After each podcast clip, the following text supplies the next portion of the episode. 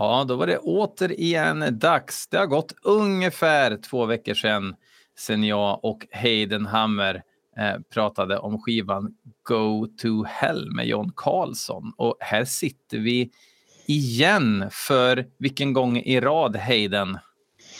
Ja, det här blir väl anhalt nummer nio och Alice Coopers tredje soloskiva från starten. Eh, enligt mina beräkningar så blir det tio. Mm, nej, min gode Björn, där tror jag nog du har fel. Eller? Eh, sju bandskivor. Welcome to my nightmare. Go to hell. Men vad fan. Och Lace and Wesky. Så Fel kan det mig. gå ibland. Jag har ju aldrig, aldrig skru, skrut, skrutit om, skrytit om att jag är ett mattegeni, men nu kom det fram här. Liksom. Lite humble brag. Ja, skitsamma. Eh, hur är läget? Ja, jo, med tanke på världsläget som, eh, som vi brukar ha, ha varit tvungna att inleda med nu i ett par månader så vore det väl synd att klaga, tycker jag. Mm. Jag passar på att klaga istället. Bra. Det, oavsett världsläge så är det ju lätt sämsta dagen eh, 2022. Berätta Det har varför. varit bajs och spymageddon här hemma. Det, barnen, alltså det har varit, det har varit Exorcisten-varning på fler än ett barn. ehm, och ett tredje som redan har gått igenom det. Ehm, en shout-out till alla där ute som ska ta B96-körkort som jag ska göra. Eh, det har varit ett jävla jidder med boka tungt släp och såna här grejer. Vi som har husvagn, vi måste ha B96-körkort. Nämligen. Mhm. Eh, För att någon, någon har bestämt det och sen även gjort det som en liten utmaning att det ska vara helt omöjligt att få till en uppkörning på ett lagligt sätt. Eh, ja, ja, men alltså sådana där grejer som jag har jiddrat med som har gjort mig på extremt dåligt humör. Och sen så är det ju så att off camera förra gången så pratade vi om att jag alltid lyckas dricka alkohol när vi spelar in de här avsnitten. Och eh, Mhm. Eh, jag, jag tog ju upp det då att eh, en gång drack jag faktiskt alkoholfri öl, men nämnde det inte för att om jag nämner det så verkar det ju som att jag är alkoholist. Så därför har jag faktiskt tagit lite whisky idag, för att idag måste jag ju nästan ta en whisky. Med För helvete, åh, ja såklart. Jag vet, fan jag tänkte att jag också skulle ta whisky och så, jag vet inte, förlorade jag mig någonstans på vägen. Det kan ha varit Kanada eller det kan ha varit, ja vad är det han säger i öppningsspåret på From the Inside? I lost my way somewhere between, hjälp mig. Mm, Vår, vi tar hjälp här. Vår, jag tycker vi tar tillfället i akt Ja. och introducerar vår nygamla gäst. En fantastisk applåd skulle jag vilja ge till Matilda Almgren. Tack, Ett- tack. Synnerligen kärt återseende vill jag säga. absolut. Jag får buga. Eh, Jag dricker inte whisky. Det är inte min kopp te, så i min tekopp dricker jag vin. Ah, ja, men vad fan. Ba- Bara man, bara man blir på bra humör, det, det räcker ju. Jo, den enda whisky jag dricker den inmundigas i form av whisky sour. Och det brukar bli så att köper jag en whisky sour så köper jag sju och sen går allt åt helvete. Så att, Du köper färdigblandade whisky sour. mm, de, de som kommer över mig. Vad är en whisky sour? Ja, det enda jag vet säkert är att den egentligen inte smakar whisky. Vilket för I mig typ- funkar rätt bra. Det är äggvita och skit i. Också. Och något surt. Men gud. Jag vet inte hur Eh. man veganiserar en whisky sour, men det måste väl gå på något Det är sätt. väl kikärtsbad i den och. Ja, fy fan vad roligt. Eh, Ja. Jag vill bara, bara för, för protokollet. Vart är det nu han tappar bort sig på vägen i introspåret till From the Inside? Men är det Texas? Är det Texas eller could have been Texas and could have been Canada? Tänk om det inte är det. Fan vad pinsamt. Då får du klippa bort det här Björn. Was it Texas or was it Canada? Jag har ju visat mina rätta färger här, att jag, jag är inte så inlyssnad på den skivan som, som jag kanske utger mig för att vara till vardags. Så att, Mm. eh, mm. jag, jag, jag har inte läst den kursen än, som du har gjort. Så, att det, så är det med den Nej. saken. Ja, ja, ja. Den är väl ändå ett album före, efter så att säga. Så att det vet vi inte förrän nästa sväng. Nej, Mm. exakt. Exakt. Exakt. Så det är ju inte därför vi är här idag. Absolut inte under några omständigheter. Eh, vi ska ju prata om vad då, Matilda? Du, vi ska ju prata om den här vattendelaren, den här mycket mystiska grå plattan. Jag tog med mig min Lazen Whiskey.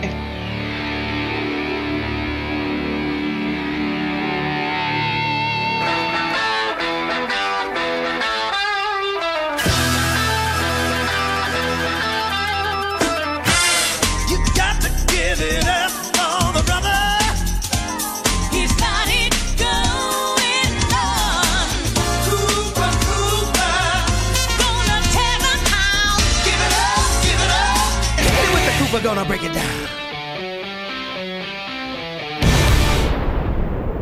Stiligt Ehm. konvolut. Jo men visst, jag har en ganska deppig utgåva här. Den, den faller isär och så.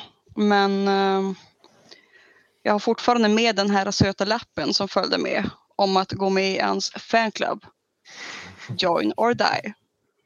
Eller Är- Njoj Rå Aid som ni ser det. Är du med? Jag är inte med. Om man skickar en 5 sedel kan man få en t-shirt står det, men vi får se. Det Inklusive frakt. så. Ska vara. Alltså, vi, vi är ju på år 1977. Och här har ju Alice Cooper stöpt om sig lite. Ska vi prata lite om det kanske först? Ja, det här är ju en besynnerlig metamorfos. Det Eh, skulle man kunna säga. Okej, vi pratar alltså om att Alice transformerats till... Alltså det är så jävla svårt att beskriva det här konceptet i, i, med alla dess lager antar jag. Men är det liksom, ja. Han har då skapat en slags fiktiv, fiktiv privatdeckarkaraktär eh, som heter Maurice Escargot Mm. som ska då vara en slags pastisch på en sån här Clouseau Rosa Pantern-karaktär. Mm. Och nu kan ju inte jag franska alls men jag har för mig att escargot betyder väl snigel på franska. Mm. Ja, jag har inte ens faktiskt checkat det alla här fall- inför men, det ska vara en snigel. Jag har Ja, inte hittat någon. I alla fall så heter ju maträtten snigel-escargot. Sen om det betyder snigel eller om det betyder tillredd snigel, det, det vet jag inte. Mm. Men är det då att Alice på den här skivan spelar en författare som skriver om karaktären Escargot eller ska han vara både författare och karaktären Escargot på samma gång? Och i så fall, hur långt sträcker sig egentligen det här konceptet? Och vad, och vad, jag har kunnat utröna efter att ha läst texterna utan och innan så finns väl det här konceptet i stort sett bara på omslaget till skivan och inte i själva låtarna. Eller? Det känns som att det är precis där vi hamnar. Jag tror att han har sagt det själv till och med någon gång att det här konceptalbumet blev ju inte så mycket det. Det finns några så säga, snygga bilder. Det finns bilder i den här detektivstassen och något försök till att skriva om den här förfallne detektiven i titelspåret men sen, sen händer det inte så mycket mer. Det finns ju också en väldigt besynnerlig video som eh, spelades in i promosyfte till det här. Men vi ska återkomma till det senare i skivan för den är en märklig historia. Men den ger ju heller inte några direkta svar på vad, ja, vad vitsen med det här egentligen var. Annat än att det blev oerhört förvirrande. Men jag, jag är också nyfiken på, alltså, gav han några intervjuer där han för, för, åtminstone försökte förklara det hela närmare eller gav han bara upp innan han ens började? Jag såg en intervju eh, från Johnny Carson. Eh, rest in peace. Eh, sen typ 40 år tillbaka eller någonting. Men skitsamma. Han eh, var ju med där, lite så här gött Falcon-pluffig, Alice, i den här, i den här eran. I någon vit jumpsuit. Liksom, som he, helt klädd i vit där han skulle latcha med en, en eh, boa constrictor och Johnny Carson skulle spela Allan och ha den runt sig.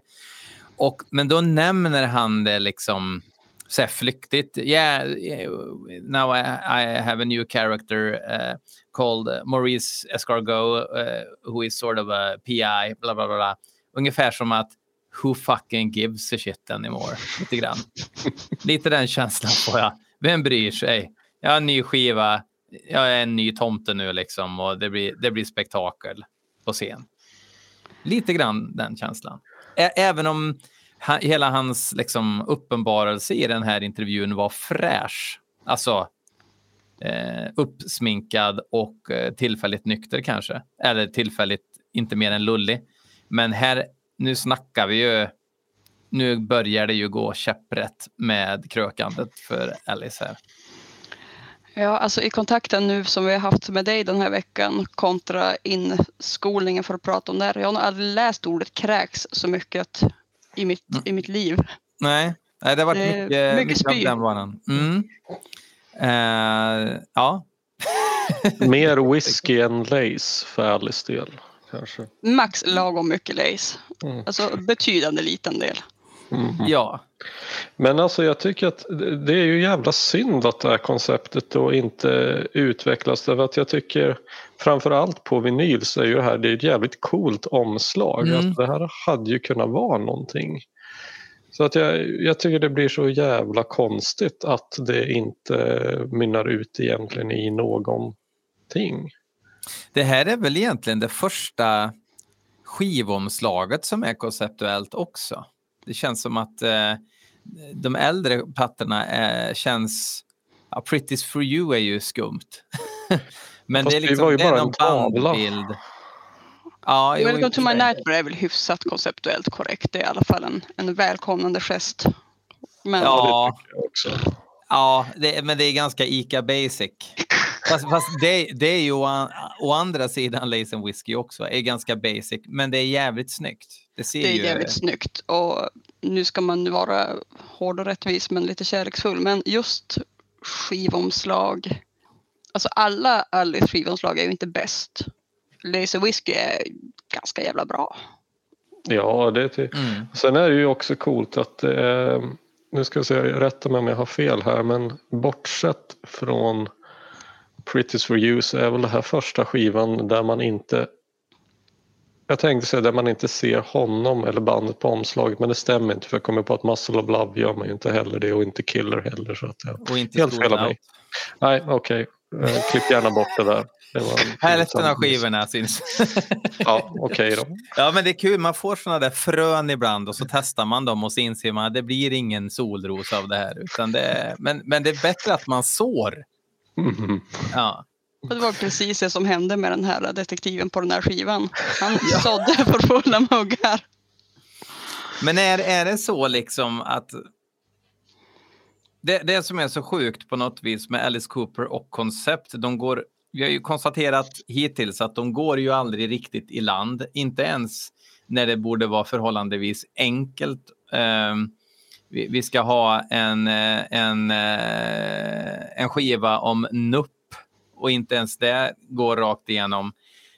Um, och- och jag, jag undrar, ser han på koncept bara som att jag har ett koncept och sen bara kör jag?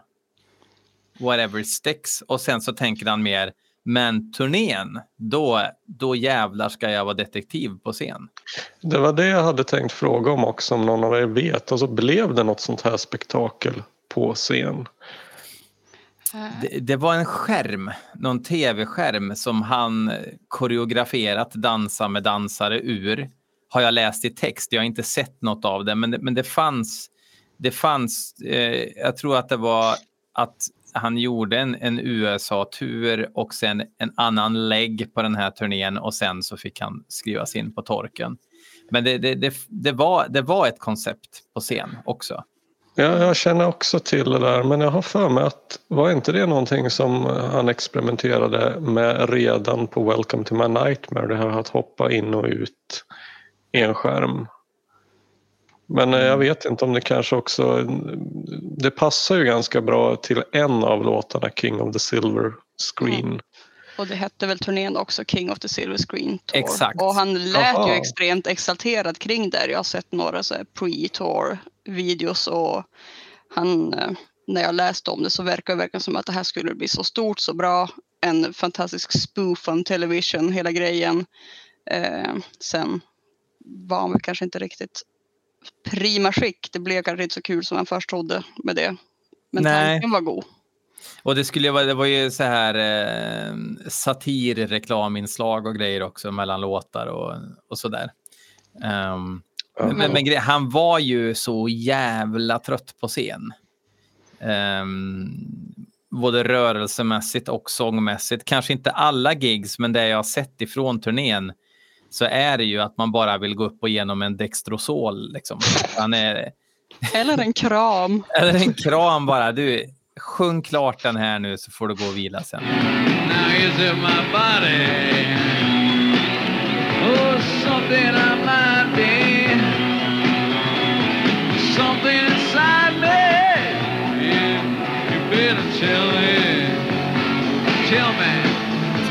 Han är så jävla trött. Mm. Eh, Och jag menar, han har ju alltid, särskilt fram till 2014 innan resten av storyn med kokainet kom fram, eh, så har han ju alltid sagt att han var en sån fungerande alkoholist. Han hade Mm. inga problem, ingen märkte att han var full, men det är ju, det är inte sant. Det är inte sant. Och, och här är väl vakna på morgon, var tvungen att somna med öl bredvid sängen för att kunna sova överhuvudtaget för att man måste ha den första klunken på morgon. Sen gå och spy blod. Sen titta på tecknat och dricka upp några öl till. Och, och, det, och det som... Är så Hashtag jävla... relate. Ja, precis. Men det som jag tycker är så sött på något vis är att han är ölalkis. Man blir i alla fall rund och gå.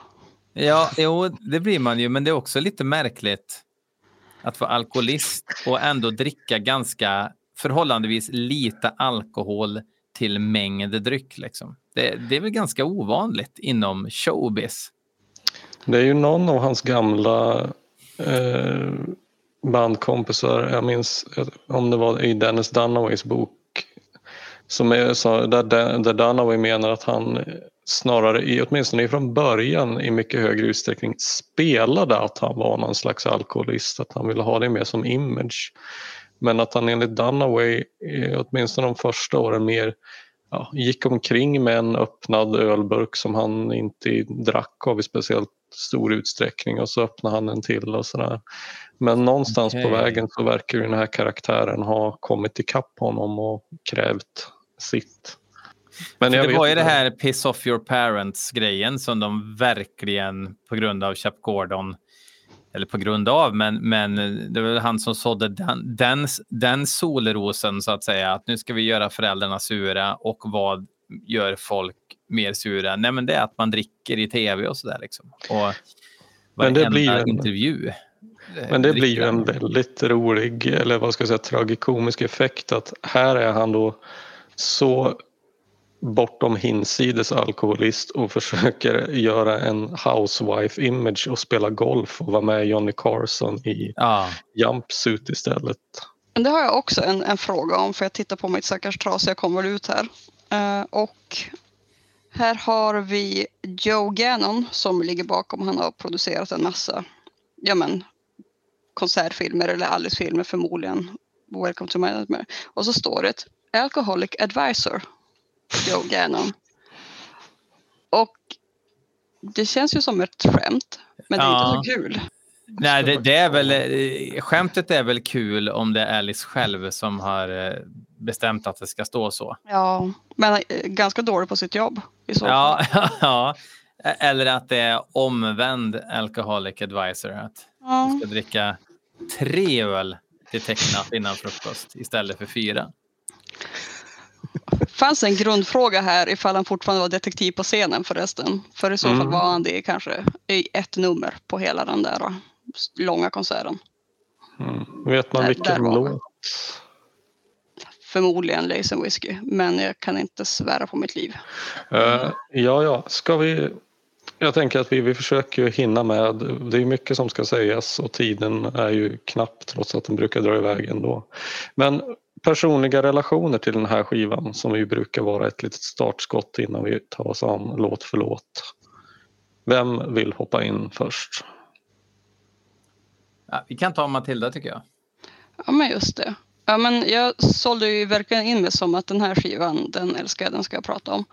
Eh, och så lyssnar man på den och så tänker jag att ja, men varför egentligen? Eh, nej, men, och jag tänker på, jag kommer att tänka på om någon minns Sven Nordqvists bok Hattjakten. Eh, där det är en, morfar i en scen som har blivit vän med en skadad igelkott. Och morfar han klappar igelkotten över taggarna. Och det var inte särskilt skönt. Men vad ska man göra då när man tycker om någon? Och den här skivan är ju ett, förutom att den har otroligt höga toppar, där den har höga toppar, det är väl också lite grann ett case av att älska mig mest när jag förtjänar det minst. Men det är ju en, en vattendelare och en del fans hävdar ju att de hatar den, den här skivan just för att de tycker att det hörs så tydligt att Alice verkligen mår piss och de tycker att det är ju ingenting man vill stå bakom. Samma anledning som liveskivan Alice Cooper Show. Man vet om att han var mer eller mindre tvingad till den, så jävla kul var det inte. Men ehm,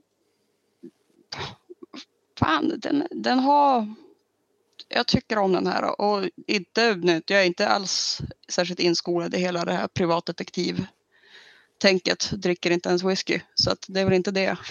Men jag tänker på att den påminner rätt mycket i många delar i min, av min, om min favoritmusikal, Rocky Horror Picture Show. Vars huvudkaraktär också är uttalat baserad på Alice.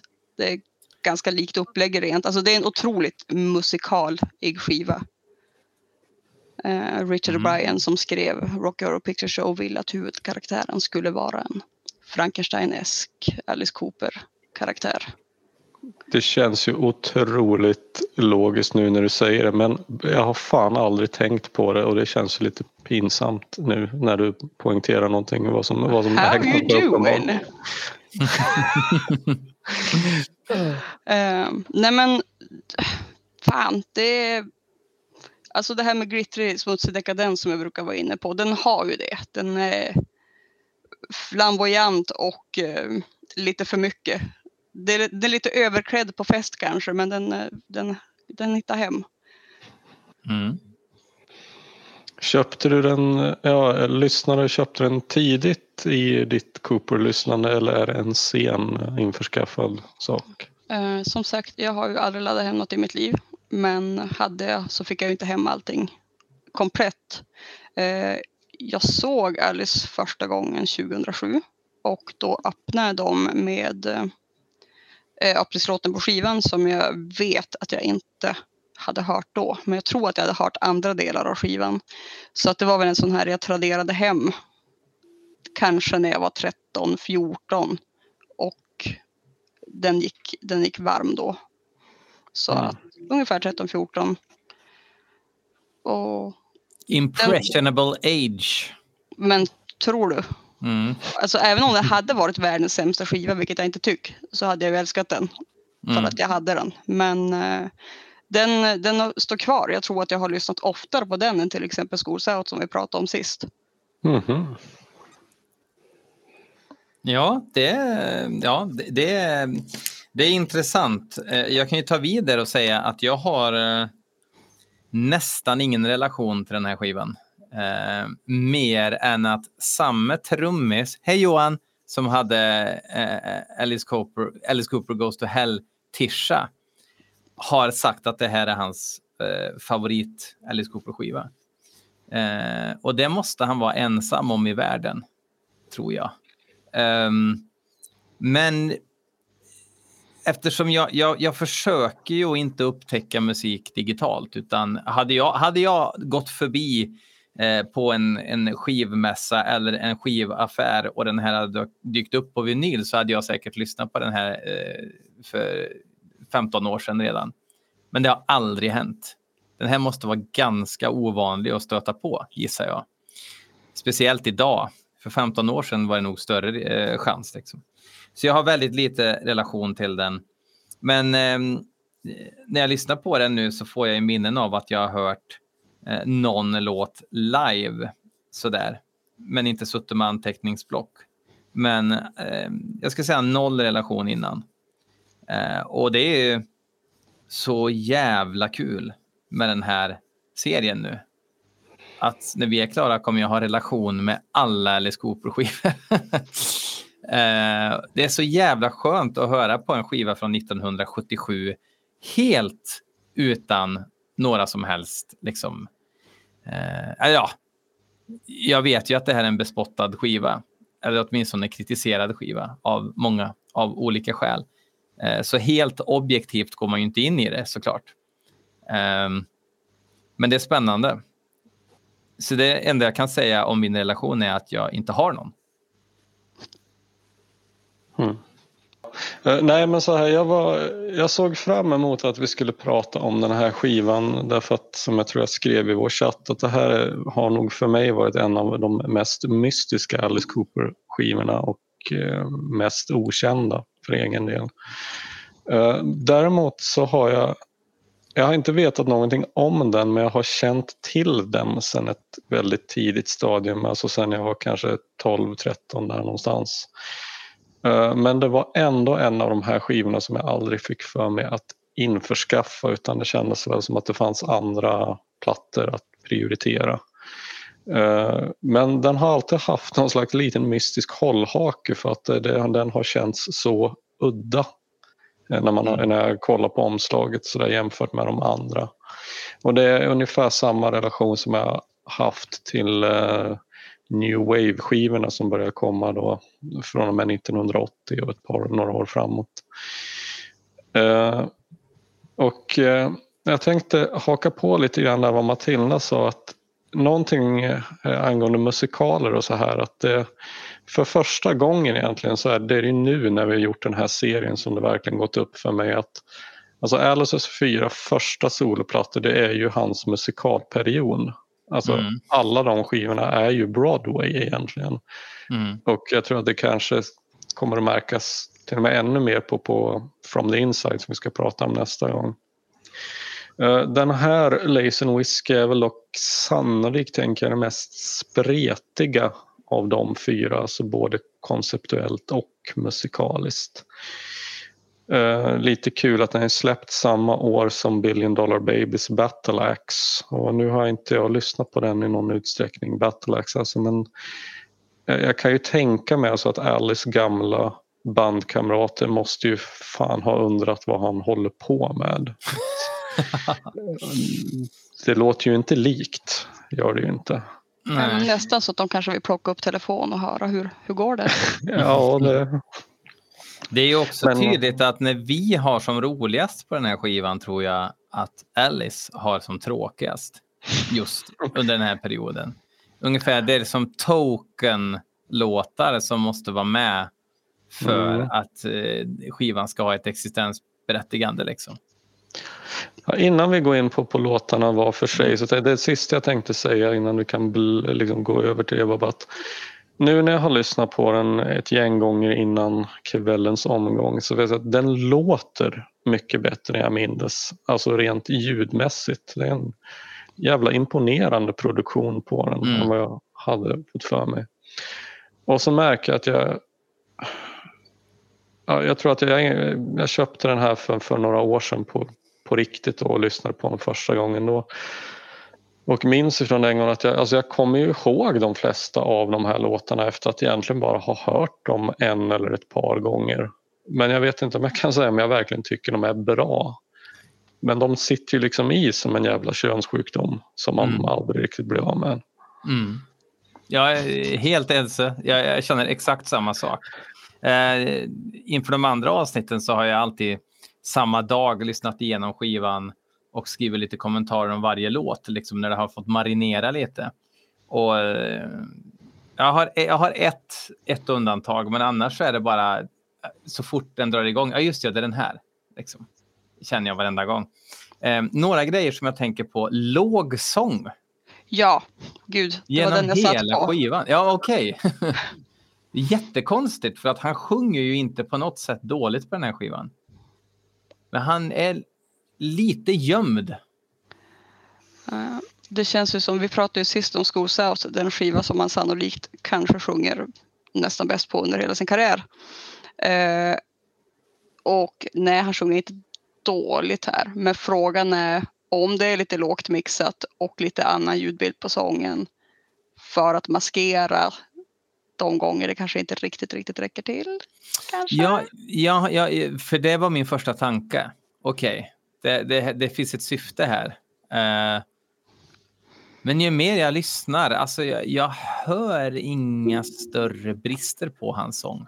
Eh, men, men ja. det- Mm, Alltså det, vara finns ju några, det finns ju några nummer där han verkligen låter annorlunda jämfört med vad han brukar. Men då, jag har också undrat över det om det är en medveten effekt alltså för, för att göra det mer musikallikt. Eller så. Jag, jag, jag ställer mig också frågan, är det för att som eh, när man använder dist på sång för att dölja helt enkelt kackig sång eller är det är det en förhöjande effekt? Jag, jag vet inte. nej. Det blir ju kanske också så med tanke på att det är ju ganska, alltså låtarna är ju jävligt stora liksom. Och då, då eh, konkurrerar ju sången med väldigt mycket. Eh, och, eh, och, och det är ju jävligt svårt att mixa en skiva med väldigt mycket instrument och detaljer och sådär. Men nej, det, det, jag tycker ändå inte att det håller riktigt. Det, det känns medvetet. Det vore väldigt konstigt. Och speciellt när det är en soloartist. Då är man ju eh, ganska, som tekniker, ganska mån om att den personen hörs. Ja, kommer ni ihåg när Kelly Osbourne skulle försöka sig på en solokarriär? Mm, Då var det mycket dist på sång. det stämmer.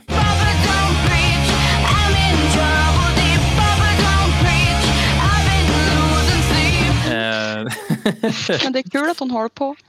Uh, nej, alltså eh, ibland är det inte kul att folk håller på. Det måste man vara ärlig med också. ska Men det är kul att? Allan Schwartzberg håller på att spela trummor på den här skivan tycker jag. Eh, han, han har blivit en, en, en, eh, sån ny tomte i mitt liv som jag eh, tycker väldigt mycket om. Eh, gör ju ett fantastiskt jobb på eh, Alice Cooper Goes to Hell och så även här. Men även trummorna är lite tamare på något vis. På den här skivan Mm. lite mulligare allting liksom på något vis. Det är inte så skarpt utan det är ganska liksom runt. Men eh, vi, jag tycker vi hoppar in i låt för låt och börjar med introspår, it's, eh, introspåret It's Hot Tonight. Ja, It's hot tonight.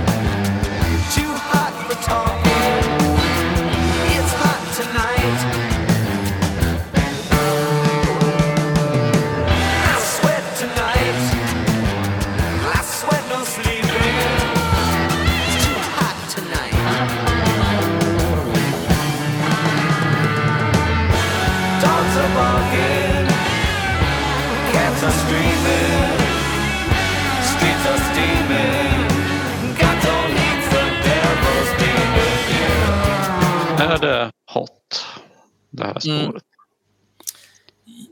det här, här tycker jag ju verkligen sången och mixen på sången eh, är helt klockren. Alltså, It's hot tonight och det är liksom det ångar av sången på något vis. Alltså de har ju någon sorts baklänges effekt liksom som gör att sång, sångspåret är väldigt sugande. Om man tänker att det är kvällstid och det har varit en stekhet dag och det liksom ångar upp från asfalten.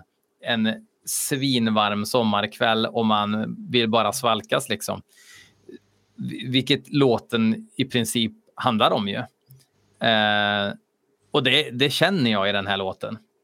Eh, frän eh, rocklåt eh, som räddas från att vara en generisk rocklåt med den här väldigt eh, väna, eh, coola refrängen. Nej, men jag tycker att det är en hit. Jag tycker att den Mm. är också en jävligt stark öppningslåt. Alltså helt annars, men eh, den frammanar ändå någon slags känsla av vad som kom, ska komma. Som typ Welcome to my nightmare funkar på Welcome to my nightmare. Att nu, nu är det dags, nu, nu drar vi för.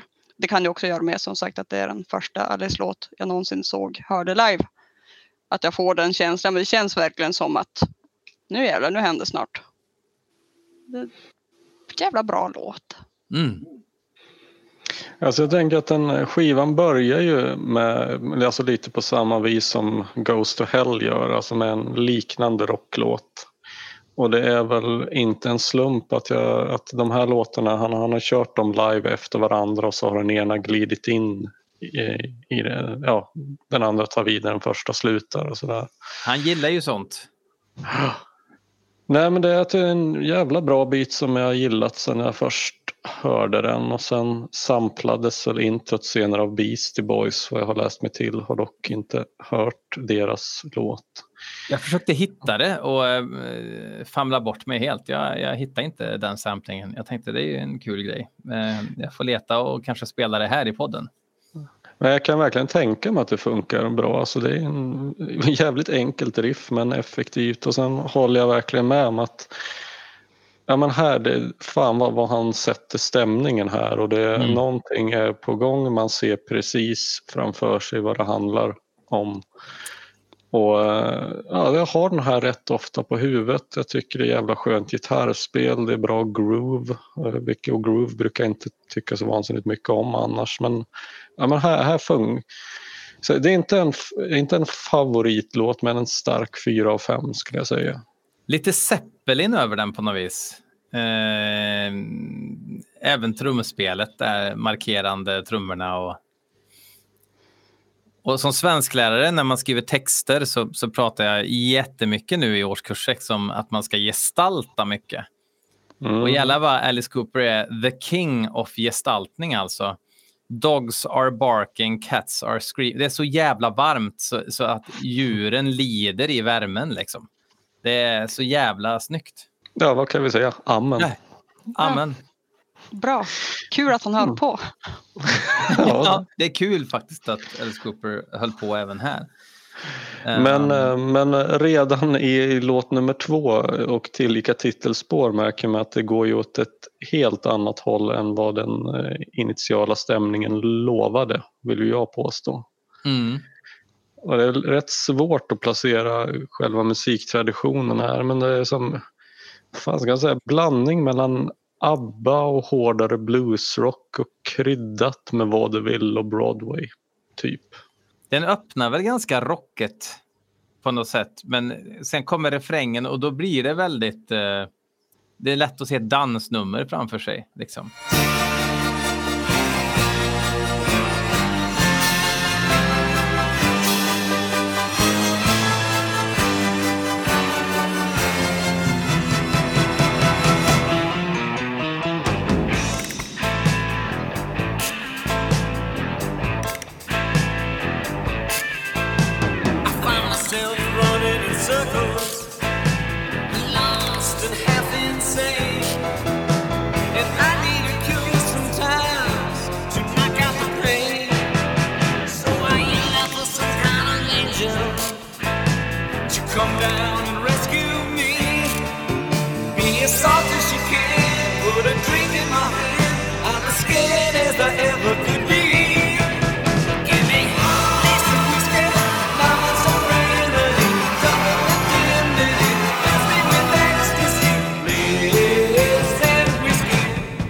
Ju se ett gäng dansnummer till den här låten. Såg du, var det på Johnny Carson han körde sitt nummer till den här? Jag såg bara intervjudelen. Okej. Men det hade varit eh, kul att se Um, också. det, det hade inte varit så kul att se. Nej, okej. Okej. Det, det är inte Ja. så kul. Eh, jag, tycker att, jag, jag tycker om den här låten supermycket. Jag tycker att den är lite oklar om det känns som att den här låten ibland handlar om två fullständigt olika saker. Eh, om det ena är alkohol och det andra är heta mammor hela tiden. men eh, men eh, han kör det här eländiga jävla numret som han också gjorde under turnén med de här det kommer in kycklingar med vapen och det, det är inte bra. Nu, nu, nu, nu, nu, Ja. I'm Inspector Maurice Escargot, the toughest cop in town. And they're all chicken.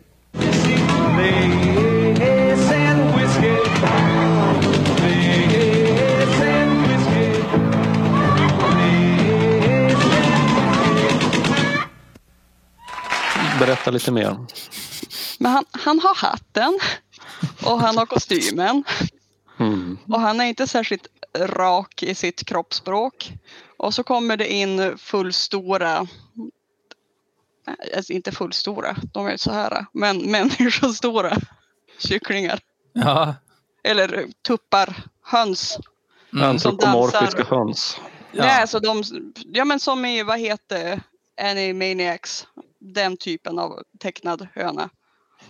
Med vapen. Och gå fram och tillbaka många gånger.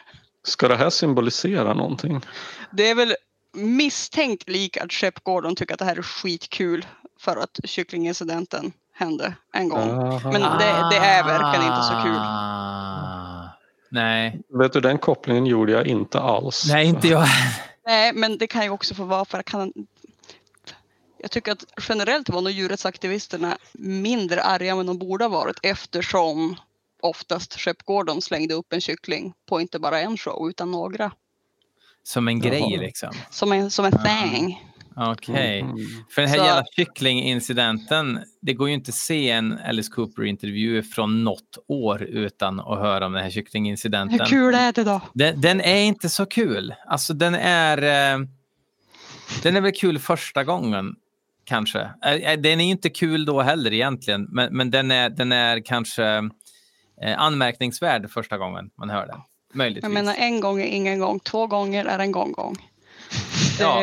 ja. Så är Men det med det sagt tycker jag att det är en, en ruggigt bra låt. Jag tycker att den är absolut alla influenser, men jag tycker att den är eh, stark.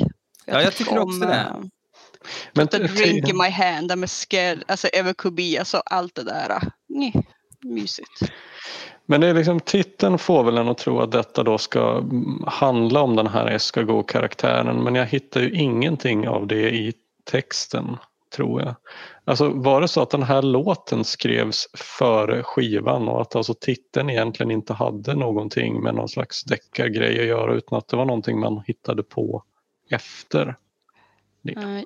Jag läste mig till i en bok så här att, ehm, att den här eh, Maurice ska vara en sån detektiv som förfaller under alkohol och har mycket kvinnoaffärer och så. Att ur den aspekten ska det handla om det. Men det känns ju betydligt mer. Den här karaktären skulle vara ett sätt för eh, Vincent att frigöra sig från Alice-karaktären. Men i slutändan så är det ju ändå samma skrot och korn. Alla Mm. tre håll att förgås av det här. Mm. Nej, jag tycker också att det är en, det är, det är en bra låt. Jag vet inte om jag skulle ha med den på ett blandband men jag, jag minns den nu och när jag lyssnar på den så tycker jag att det, det låter bra. Liksom. Men eh, ja. Jag vet inte, ska vi gå vidare? Ja, jag vill bara säga, för mig är det nog en, en blandbandslåt till och med, faktiskt. Så pass? Mm, ja, men jag tycker den är bra. Jag tycker att... ehm, ehm, fast jag måste också säga att eh, bara om skivan liksom så... Jag har behövt höra skivan några gånger för att verkligen uppskatta någon låt faktiskt. Eh, jag tyckte att grejer har varit okej, men det här har verkligen varit en grower. Eh, och vissa grejer har inte blivit en solros utan förblivit frön. Eh, och kommer nog aldrig bli det heller. Men det som är bra har jag inte tyckt varit svinbra vid första anlyss. Men eh, det har växt. Och nu gillar jag Lace and Whiskey, alltså låten. Eh, ja, en bra låt som, som definitivt kan funka på ett blandband. En The Essential Alice Cooper på en bensinmack skulle den kunna vara med.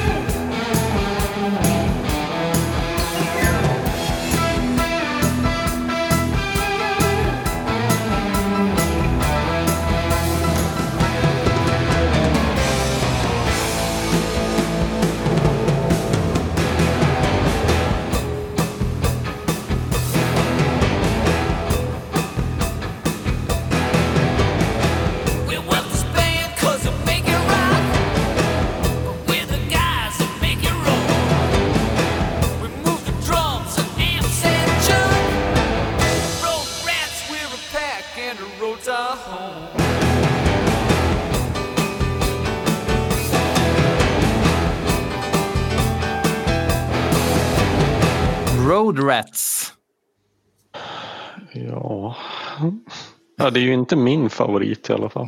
Nej. Det här blev väl lite av ett ledmotiv till den besynnerliga komedin Roadie med Meatloaf i huvudrollen och där Alice Cooper är ju med på ett ganska stort hörn. Och den filmen kom ju tre år efter den här låten släpptes. När han Ja. inte var så plufsig. Ja, Han var väldigt smal. Ja. Eh, Mm. Bara ett instick att om någon någonsin skulle få tag i ett par sådana solbriller som Alice har i den filmen, då kan man få skicka dem till mig. Det är ju faktiskt eh, 12 lyssnare som lyssnar på det här så att om någon av dem hittar ett par sådana glajjor då kommer de garanterat lösa det. Ehm, Ja. Det här är ju ehm, ändå, jag gillar pianot. Bla, bla, bla, bla. Jag gillar gitarrljudet. Som fan. Det är ju samma gitarrljud men det kommer fram lite mer här. Och det är ju liksom faktiskt det här gitarrljudet som Queens of the Stone Age har gjort sig miljoner på. Väldigt Queens of the Stone Age eh, ibland. Speciellt den där slingan som går... Den här... ehm, Ja, det skulle kunna vara en Queens of the Stone Age-grej rakt igenom.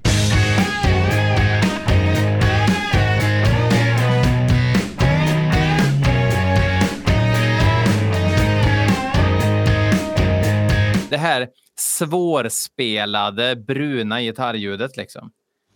så du menar att Josh Om gjorde sig en hel karriär på gitarrljudet till Road Rats? Ja, det är det, det är det jag försöker lägga i bevis här. Jag är helt säker på att eh, Josh Homme gillar den här skivan. Eller i alla fall eh, låtar från den här skivan. Det, det, det kan jag fan ta gift på alltså. Jag, mm, jag vet inte för att själv alltså jag, jag vet inte, det är någonting i den här eh, låten som, som får mig att, att rodna. Alltså jag får lite skämskänningar av den. Och så tänker jag på en gammal Turbonegro-intervju i vilken eh, en dissar roddare för att de alltid ska gå omkring och nynna på Motorheads We Are The Road Crew. Och ja, Mm. här fick de väl en, eh, någon slags eh, pseudo-anthem till och, och Mm. ta till sig. Och det, ja, deckarkonceptet försvann visst på precis samma väg som roddarna körde iväg på.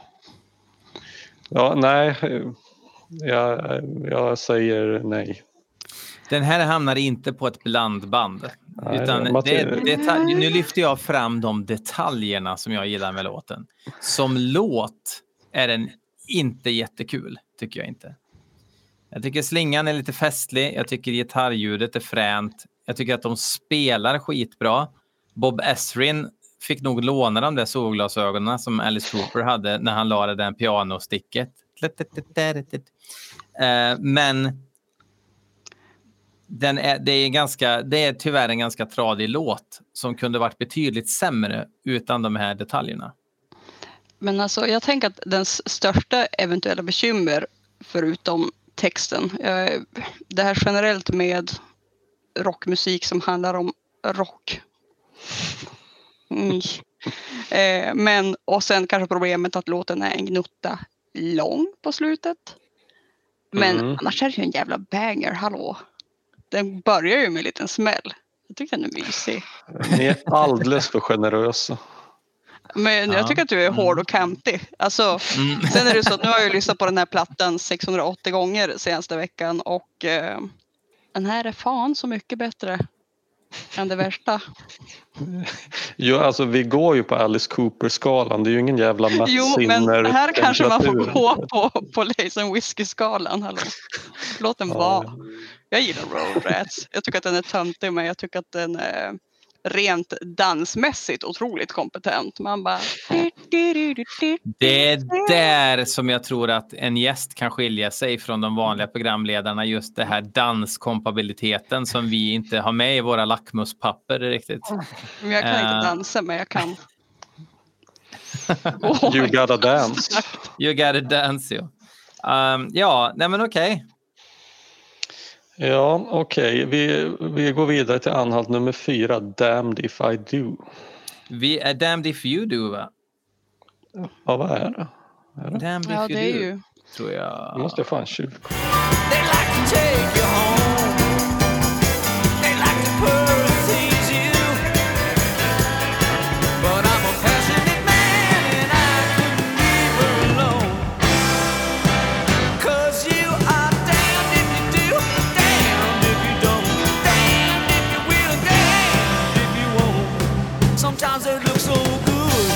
En generisk krog i Nashville här i alla fall, en kortis. Där någon av Nashville cowboysen ska rocka till det lite. Ja. Ehm, det här bra. är inte kul. är det inte. Nej. Nej. Alltså, jag har liksom en grej jag tänkt på med den här låten. Är att jag citerar den någon gång i månaden. Så det är kanske därför jag inte har några vänner. För att jag bara drar, drar töntiga anekdoter till en massa skit. Eh, Men om jag inte vet någonting, eh, vilket händer, så är det liksom att I wouldn't know, I'm a little slow. Och den citerar jag någon gång med jämna mellanrum. Ah. Hur Eh, många men- har den referensen? Inte en käft. Men om någon gör det så är ni ju soulmates.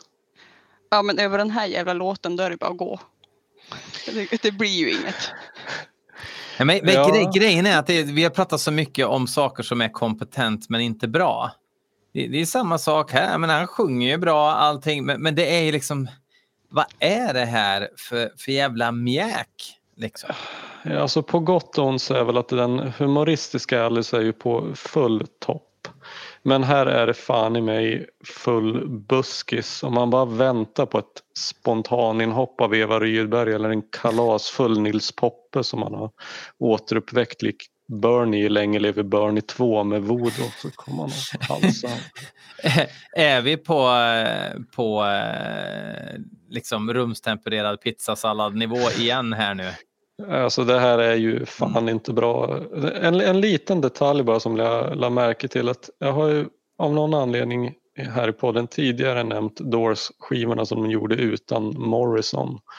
Och på skivan Other Voices så finns det en låt med liknande tema som den här låten behandlar rent lyrikmässigt och den låten är precis lika jävla lökig. Variety is the spice of life heter den och det är någon jävla otrohetshistoria där sångaren eh, står inför en domstol och ska förklara sig. Och jag vet inte om det var någon slags inspiration till, till, till den här låten men det blir ju varken bättre eller sämre om så är fallet. Men det är så jävla gubbigt liksom. Och det, alltså, det, det, vad gammal var han här? Ja men han är som, han är som jag är nu. Ja, Ja, men jag hade inte skrivit den. Jag nej. lovar. nej. Men jag säger bara, men vad ska man göra då? Ja, ja inte skriva eh, Damned if you do är en bra sätt att börja. Men kan du Nej. inte göra en akustisk cover på den? Eller tänk om jag inte, tänk om jag inte gör det. Lek, lek med tanken. Det, Ehm, ja, det är en kul tanke att du skulle... Nej men, ja, men så här, det händer ju ingenting här. Alltså, det finns ju en annan låt på en senare skiva där han far hem till någon och lägger sig på någon björnfäll. Men då händer ju någonting annat mystiskt. Här är det ju bara... Och så vart det så här. Kul. Mm. Så han är damned if he does. Mm. Ja, men det, jag tänker att det måste ha funnits en annan låt som inte kom med på den här skivan som inte var den här. Och det sörjer vi nu. Jag har lite känsla av också att eh, de var glada att de rodde skivan i hamn också. Kanske överhuvudtaget. Så att det var Men, bara... men, men, men jag håller med, alltså, det som gör det så konstigt är att det, det är så dåligt att det är svårt att inte tänka sig att det är en filler. Men om det är en filler, helvete vad tid de måste ha lagt ner på de här arrangemangen. Mm. Väl? Och jag menar varför gör man det egentligen? Eller är det här, var var det här tänkt som något liksom jävla brakmusikal nummer med dans och allt som kanske skulle komma till någon slags rätt på scen men som bara faller ihop som en spettekaka utan stärkelse? Alltså är inte det här liksom ett attempt att göra någonting liksom kommersiellt och testa allt? Liksom. Ja det är ju. Pinsamt. Får, får man the Nashville crowd, liksom, då, då har man ju sålt några enheter bara där. Men varför vill man ha dem? Alltså varför? Inte ens The Nashville Artist vill ju ha The Nashville Crowd. Liksom. Och på tal om att försöka sälja enheter så kan vi ju lite obemärkt glida in i nästa bit på skivan. Mm. You and me. Oh, här, ja, alltså... Alltså det här är ju... Alltså jag vet inte när ordet smörigt liksom dök upp första gången. Alltså det är ju runt den här tiden gissar jag som man börjar prata om, om smör. Alltså you and me och det är någon så här knegar kärlekstema. Eh, jag kommer hem från jobbet och så får jag vara med dig och det betyder allt. Lägg armarna runt mig. You and me. Snodd, snodd melodi från eh, eh, Pretty Woman. Pretty Woman, yeah, yeah, yeah. Na, na, na, na, na, na, na. Det är exakt samma melodi. Eh, säkert omedvetet oavsett, men den gick ju också, eftersom världen är värdelös redan 1977 så var ju det här en sorts framgångsrik singel ändå. Den hamnade typ så här 13 eller 12 på singellistan i USA och så här. You and me ain't no movie star. What we are is what we are. We share a bed, some loving, and TV. Yeah. That's enough for a working man. But what I am is what I am. And I tell you, babe, well, that's enough Vilket är helt sjukt. Ja, men folk gillar den ju. Förlåt, jag, jag får Ja. fucking Åmål-vibbar ibland. Ja, men han tjänar ju penningar. Han tjänar ju penningar. Jo, jo men... Luktar gödd. Men alltså, nej men alltså jag träffar folk som har sett mig i någon Alice-tröja. Du vet folk som går fram och pratar och bara ja men han har en jättefin låt som vi har gift oss till. Och jag bara det var som fan. Är det här Eh, Är det helt sant? sant? Nej men det här är 100 procent. Jag har ju trubadurat en hel del eh, främst innan pandemin. Men, eh, och har väl ofta en tröja eller sådär. Ofta, ibland har jag en tröja, ibland är det en Alice Cooper-tröja. men, eh, nej, men det är folk som har berättat i Sverige utan att de nödvändigtvis lyssnar på Alice Cooper i övrigt att de har gift sig till den här låten och man tänker att det kan man ju göra. Men alltså, de, alltså jag blir så jävla paff. Alltså att folk i Sverige överhuvudtaget känner till. Alltså hur gamla är de? Om de gifte sig till den här låten. Alltså, Ja, alltså majoriteten av mitt klientel vill ju bara höra Have you ever seen the rain 15 gånger. Så att äldre, fast det, den är ju för sig. Fast jag menar, de, de kan ju ha gift sig 93 och haft den här låten också av någon skum anledning. ja, men hur har man ens hittat den i så fall undrar jag? Eller alltså, blev det här stort även i Sverige? Det kan jag bara inte tänka Jag säger att det här har hänt max två gånger. Det kanske var frun och mannen vid två skilda tillfällen. Men eh, Ja, men alltså, jag vet inte. Det, det är väl en älska eller hata eller är det bara en axelryckning? Ja, Jag men kan det, inte- det, jag kan inte tänka mig att, ehm, att de som gillar Alice Cooper i övrigt älskar den här låten. Alltså det är ju ingen dålig låt, det tycker jag ju inte. Alltså det är Housewife Alkis Cooper och det är ju kul med att, alltså jag vet inte, är det kul att försöka spräcka ramar och så att säga utmana bilden av sig själv eller blir det bara som när Keep of Kalessen ska vara med i norska melodifestivalen? Ja, det blir exakt det blir det. Och det är ju fan inte kul för någon. Nej, det är Desperado och Housewives. Ja men alltså Alice Cooper gör ju ballader med, alltså hans bästa ballader, de, de gör ju lite ont. Och det här är liksom, det här är ju popcorn. Han sjunger Ja. popcorn.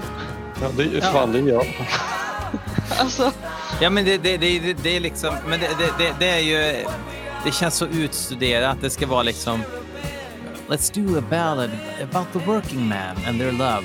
Uh, their, all love is beautiful. Uh, jag tänker, hade han släppt en video till den här där han hade någon form av boaorm till I want to squeeze you, då hade jag kunnat. Men så vart det inte heller. Nej. Men är det jag som försöker bara gripa efter halmstrån här? Och det är det säkert. Men jag, jag- vill fortfarande inte riktigt släppa den här idén om att det skulle finnas något slags konstigt koncept som aldrig riktigt eh, fick blomma ut då på skivan. Men en, en liten detalj som jag, jag lade märke till när jag läste texterna till den här och nästa låt King of the Silver Screen. Då märkte jag att alltså det är ju en textrad ifrån You and Me som återkommer i Kill King of the Silver Screen med I lie awake and stare at the ceiling.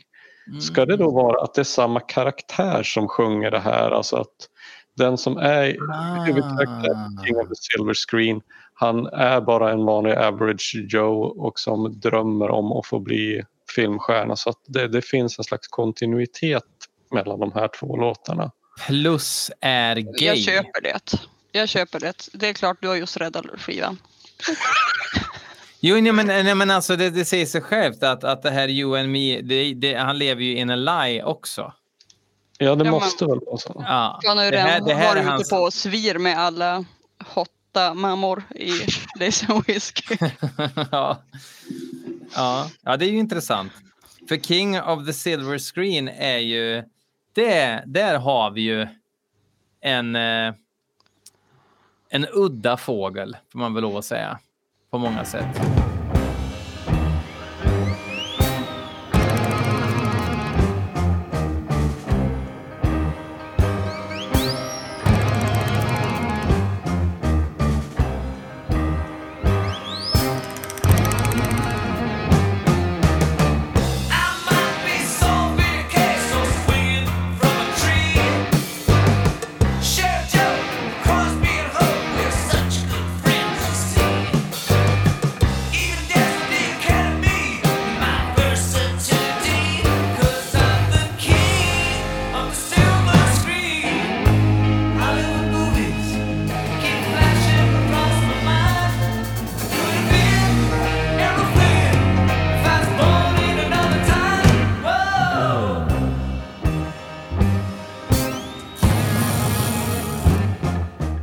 Jag vill nog påstå att det är lite grann av alltså skivans kanske mest intressanta spår. Alltså jag, jag tycker det är Alltså, utan tvekan den intressantaste låten.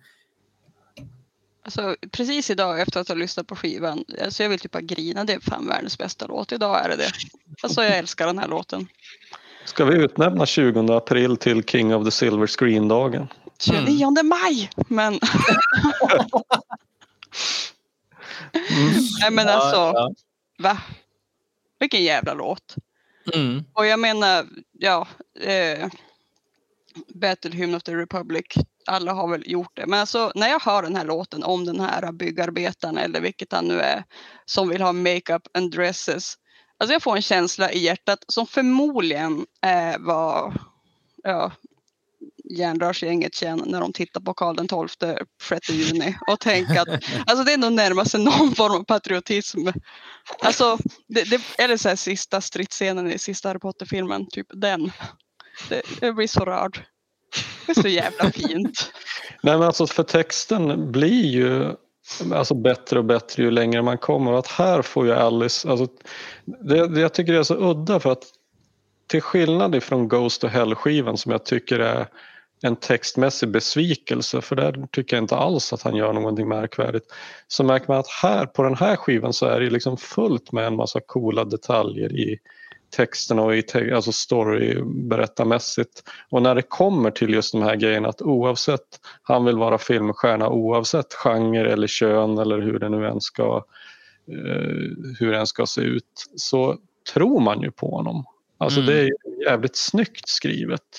Och så är det ju en förbannat, det är förbannat coolt arrangemang, det är svinbra Mhm. performance och det är De här små signaturerna och referenser som dyker upp eh, i, i, i musiken och sen desperationen i eh, rösten. Alltså hela tiden. Det, det är eh, en person som, eh, det är så jävla mycket längtan i uttrycket liksom. Han rakt vill ju ut igenom. lika mycket som man vill i Ballad of Mm. Dwight Fry. Alltså mm. Ja, verkligen. fast, fast i ett mer, i ett mer, eh, vad ska man säga? Ja, det mer- ena är en garderob, det andra är tvångströjan. Ja, precis. Precis. Men, eh, men det blir ju liksom, det blir så jävla många metalager tänker jag. Att här har vi då en artist som vid tillfället är större än Gud. Blivit känd som en slags halvtransvestit och liksom umgås med alla filmstjärnor som finns och är liksom större. Men som skriver låtar om hur en working man drömmer om att få vara det som Vincent Furnier är men bara som karaktären Alice som i sin tur diktar upp en fiktiv privatdetektiv som Mm. skrivs av en fiktiv författare. Som också är byggarbetare. Ja, ja, ja, ja. Ja, det är inte lätt det här. Och sen då, så när, när det när, också lite typiskt att när det finns en desperation och det finns någonting, ett djup och det finns ett, eh, en, stark liksom, eh, att det slår an något starkt känslomässigt. Så kommer löktåget. Vänta, det ropas här. Ett ögonblick, jag återkommer. Ja, ska vi ge något att klippa bort?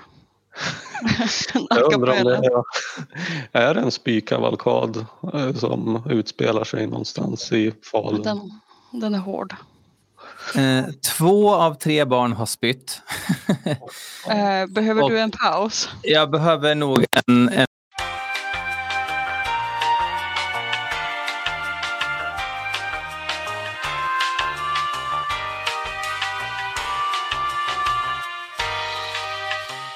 Ja, nej men bara, ja men jag kommer från Skellefteå och sådär. Mitt, mitt utbud av eh, queer stolthet var ju inte enormt. Så bara den här lilla biten, den här låten, även om den kommer från en, en eh, kristen eh, söderamerikan, har ju alltid känts mer som någonting fint och roligt än ett, eh, än ett skämt. Det känns inte som att den är till för att nedvärdera eller dumgöra eller löjliggöra någonting utan det är faktiskt bara en, en queer banger.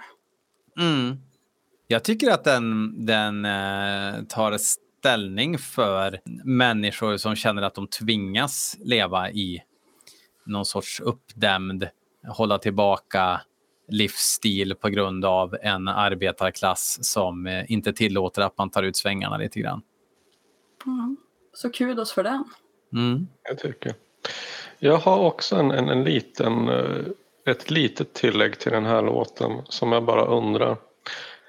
Eh, Det är rent musikaliskt och det är att ibland, vid några tillfällen i låten så hör man några toner som bum, bum, bum, bum, bum. Mm, mm, mm, mm, mm, mm. Ja. Exakt. Jag har en skiva med Anton LaVey som är jävligt bizarr. Eh, och där han framför en massa låtar på någon slags syntorgel. Och den heter Satan takes a holiday. Och på det titelspåret, den inleds med just de här tonerna. Och jag undrar, är det någon som vet om, de här, om det är just den här tonföljden kommer någon särskild stans ifrån som både LaVey och Cooper har återanvänt? Makaber, eller Makab som det uttalas eh, egentligen, eh, har ju också en skiva. Eh, de sjunger om eh, gamla, liksom mer... Eh, de brukar sjunga om seriemördare och sådär, men det är en låt om eh, Vlad Tepes eller Dracula då, och, och sådär. Och de använder också det här temat. Så jag undrar om det är någon sån här 50-tals eh, tjosan hejsan eh, Mm. skräckklassiker. Men jag, jag, jag vet inte, den är ju superkänd den slingan. Men jag, jag, kan inte liksom ta gift på varifrån den kommer ursprungligen. Utan det känns som det är, det är ungefär som... Vart fan kommer det ifrån liksom? Men man har ju hört det några gånger. Ja, nej men det låter ju helt rimligt. Alltså jag tänkte det kan ju till och med vara ännu tidigare, alltså typ 30-tal eller någonting sånt. Absolut. Ja, äh, skitsamma, det var verkligen bara en liten ett, en parentes. Vad ska vi lyssna på nu då? Vi, vi ska Ja. väl till Afrika va? Ja, ingenting emot Afrika, men tyvärr vill jag ändå lägga till. Eh,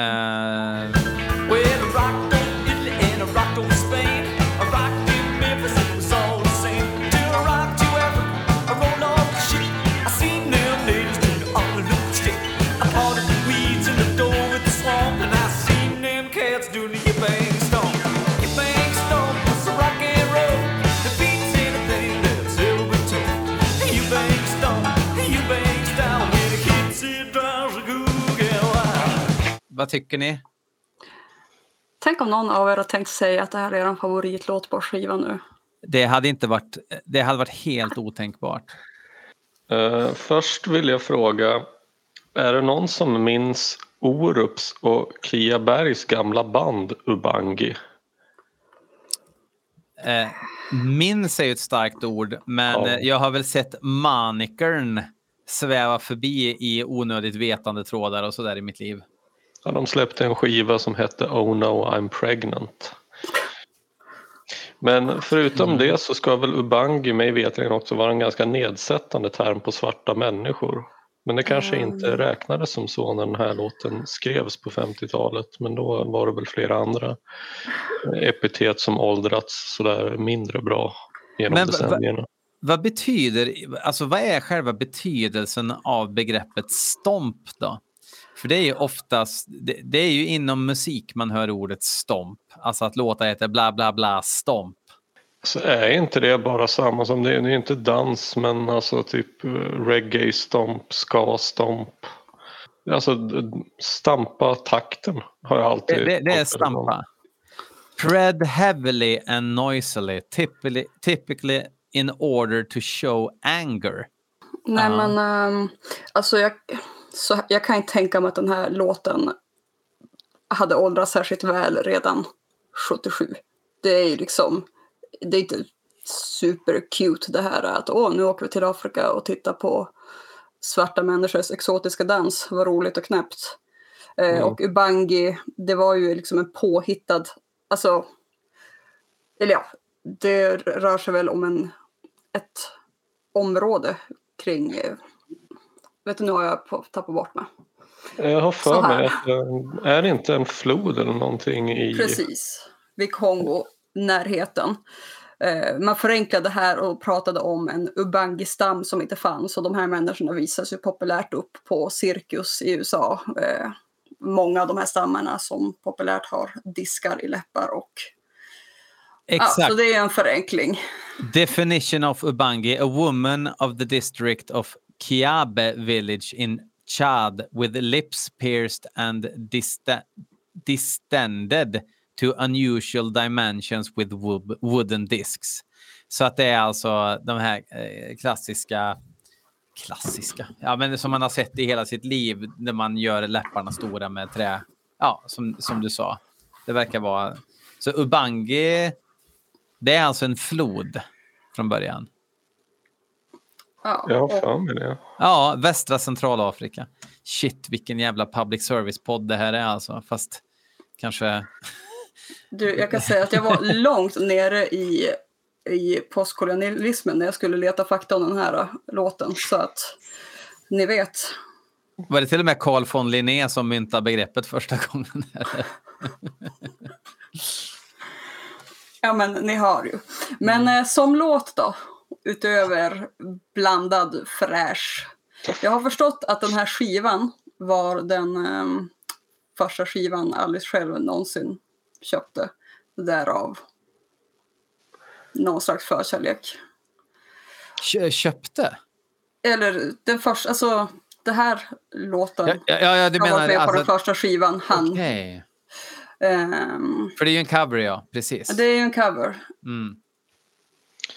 Alltså, låten är väl inte direkt dålig. Frågan är väl vad i Guds namn den har på den här skivan att göra. Och Mm. inte bara kunde vara liksom, jag, jag hade väl kunnat acceptera det som en slags konstig B-sida till någon singel eller någonting som ingen skulle bry sig nämnvärt om. Men Jag, jag har skrivit Honky Tonk Tokstolle. Liksom som att det har blivit nu någon sorts här token-grej att det ska vara en knasig låt med på varje skiva också som, som sticker ut. Vi hade ju eh, Blueberry Hill spinoffen på eh, Alice Goes to Hell och nu har vi då eh, eh, Ubangi Stomp som, som man verkligen inte behöver lyssna på i någon större utsträckning. Alltså nu kanske jag låter obildad och så. Eh, jag är inte särskilt förtjust personligen i den typen av musik. Jag kanske har fel. Det kanske är den bästa genren i världen. Men är det ens en särskilt bra låt för alltså det, det, är, det är väl alltså standard rockabilly 1A. Det är liksom om Mm. alltså där, om någon skulle fråga men hur låter 50-tals rock'n'roll så skulle man väl kunna slå på den och säga ja, så här. Mm. Va- Varken, alltså det är varken mer eller mindre än någon annan låt i samma genre. Vad jag kan höra i alla fall. Men Fast jag hör ju en matsked Nashville i det också. Det är inte 100% rockabilly utan det är ju eh, rockabilly sett genom ett eh, syd, syd, eh, sydamerikanskt, eller vad säga, men, men sö, söderamerikanskt filter. Liksom. Det är mycket bilar här. Mycket liksom. bilar och det, är så, det glittrar så mycket av skjortorna och hattarna liksom, så att man får fan starr.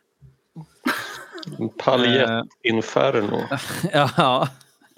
Och apropå paljettinferno. Här är ju ABBA med på en låt också. Eh, no more love at your convenience. Gick vi For vidare fan-? Ja, ja, ja, men alltså ja. Och for fans av eh, folk, eh, nej, for fans av låtar som sjunger titeln på låten om och om igen. Ja,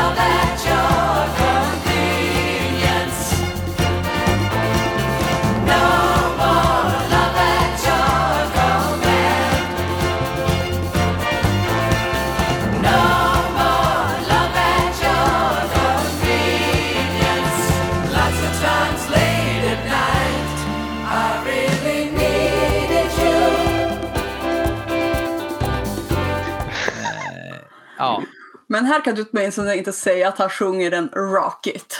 nej, det kan jag inte säga att han gör. Eh, och han sjunger den inte själv heller, utan det är ju körsång. Ehm, Tydligen enligt uppgifter så ska ju det här ha varit menat som en slags ironiskt skämt men som gick helt förlorat på publiken. Och skämt är ju bra om de är roliga men mm. är det här det? Är det inte bättre att, att fokusera på att göra bra låtar än att hålla på och skämta och toka och spexa och ja, Eva Rydberg eh, liksom latcha igenom en hel skiva? För att det är mycket, det är mycket av den varan nu känner jag. Eh, det här ska ju vara en låt som han själv väldigt länge alltså, ångrade att han någonsin skrivit, någonsin spelat in. Alltså, rätt ut sagt besviken på sig själv. Med det sagt så, jag hatar den verkligen inte. Det jag inte. Jag tycker att Alltså, den är det- lite mysig. Alla människor har brister Matilda, så att det, är- det är helt okej. Alltså vi är, vi är Ja, bra men på olika jämför då med vad som just kom innan. Alltså, hallå. Det här är inte värre. Har ni hunnit med att se videon nu under det här avbrottet vi hade? Till den här? Till No More Love Mm. at Your Convenience. Den finns. Nej, nej. Jag har, jag har sett den tidigare. Det är också så kul, det är så här 77. Folk gör inte musikvideos i Nej. snitt. Men Alice väljer att göra det till det här. Och Ja, det- så den videon då, om man nu har sett den. Ja, alltså hur fan beskriver man? Det det som gör den kanske aningen så intressant i sammanhanget då, ett, att, att han väljer att göra en video till den här låten av alla på skivan. Och sen två, ja just det faktum att man överhuvudtaget gör en, en video som knappt finns som koncept i tiden.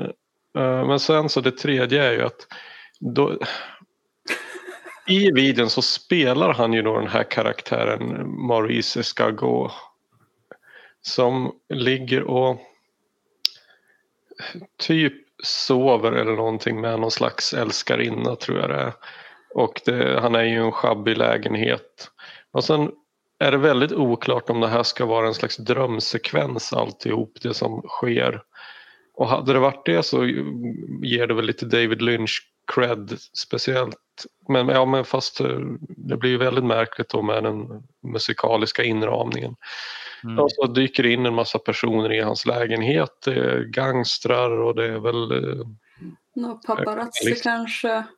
Eller? Du? Kanske jag minns fel. Visst är det några paparazzi-personer och det är väl frugan där i sängen och det Ja, så där har vi Eva Rydberg-grejen på riktigt. Det är jävla vad det smäller i dörrar och varierande kroppshållning och fokus. Ja, det, Det, det, det är märkligt. Alltså det, är, det är intressant, precis som jag, om jag drar den här referensen. Jag tror det var i första avsnittet, han som råka fastna med pungen under toalettstolen vid ett, eh, eh, i ett hotellrum och sen går igång på det tills han alltså, regelbundet under en lång tid slår sig själv på pungen med eh, toalettringar tills eh, pungen inte är igenkännlig längre. Det är ett klassiskt eh, eh läkarfall.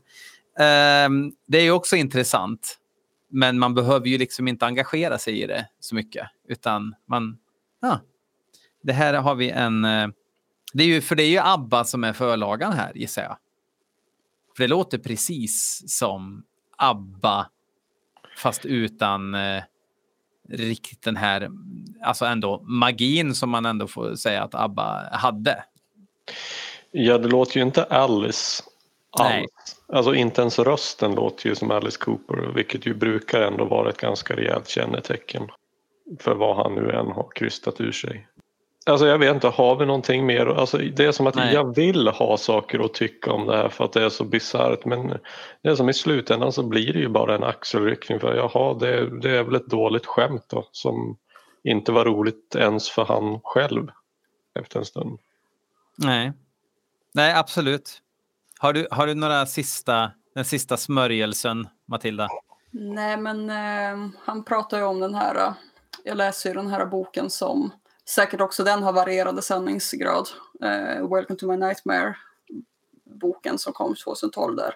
Och han har väl ändå embraceat den lite grann med åren och liksom att det här tramsiga, det här Broadway, det här ah, flamboyanta.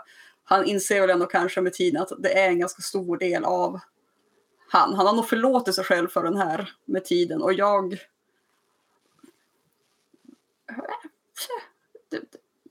jag hatar den inte. Den är fin på sitt sätt. Mm. Ja. Ja. Vad ska jag säga? Den är inte en bungee stomp. Nej, fast jag, jag, jag, jag kör nog hellre ett dygn med Obangi Stomp på repeat and No More Love at Your Convenience. Om jag ska vara helt Jag är ärlig. nog fan inne på Björns sida där. Det, det är någonting med... Disco har ju alltid varit fienden liksom i, i, mitt liv. Någonstans. Ja, jag har så svårt för det. Ehm, Jag spelar gärna trummor till disco har jag insett. Det är liksom bra svung. Men jag gillar ju Ja. drag. Jag gillar ju drag queens och hela den grejen. Och disco har ju, alltså jag lyssnar inte på disco så. Jag gillar det i de sammanhangen. mm. Men jag lyssnar inte på disco. Fast Boney M är ju bra. Ah, men skitsamma. Vi ska, vi ska inte, vi ska inte snö. Jag gillar Boney M liksom. Men det, Jag får inte men tala om är inte omslaget. Ja, ja Boney M-omslagen. Jag har ju aldrig hört musiken, men jag har ju alla konvolut. Ehm, i never wrote those songs. Och vi, jag har ett vagt minne av att vi i början av den här podden, vi var ju helt andra människor på den tiden när vi började spela in det här avsnittet, och att vi pratade om att vi kommer ihåg så mycket ändå. Vi, kommer ihåg låtarna, men just I never wrote those songs den låten, eh, när jag lyssnar på den, ja just det, det var den här, men det här är the least memorable song för mig. Inte sämsta, by all means, men absolut den låt som jag har svårt att, att, att komma ihåg helt enkelt. Oj. Shoot. Ja. Eh, jag tycker att det här är en... Jag känner att mina ögonbryn fastnar här, här uppe Mm. när du sa det där. Men Mm. alltså, här går det inte att låtsas längre att han låtsas vara någon detektiv som skriver någonting. Det här är ju... Han mår ju mög. Det är ju skit. Gud vad dåligt han mår. Gud vad mycket han skriver och funderar över. Det här är en jätte, jätte, jättefin sång. Jag tycker den är super. Mm.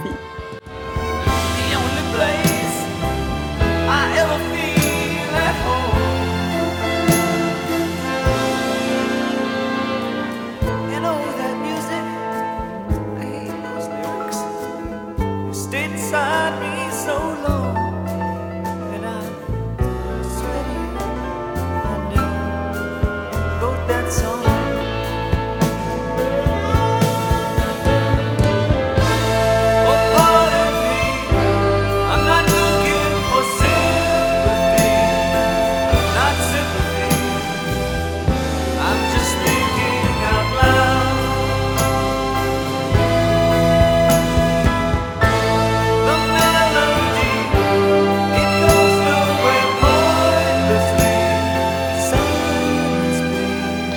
Alltså jag tycker också att eh, det, rent musikaliskt så är den väl ganska anonym i sammanhanget. Och det tycker jag är synd. Därför att här blir det ju jävligt mycket mer intressant och mer personligt, alltså på riktigt.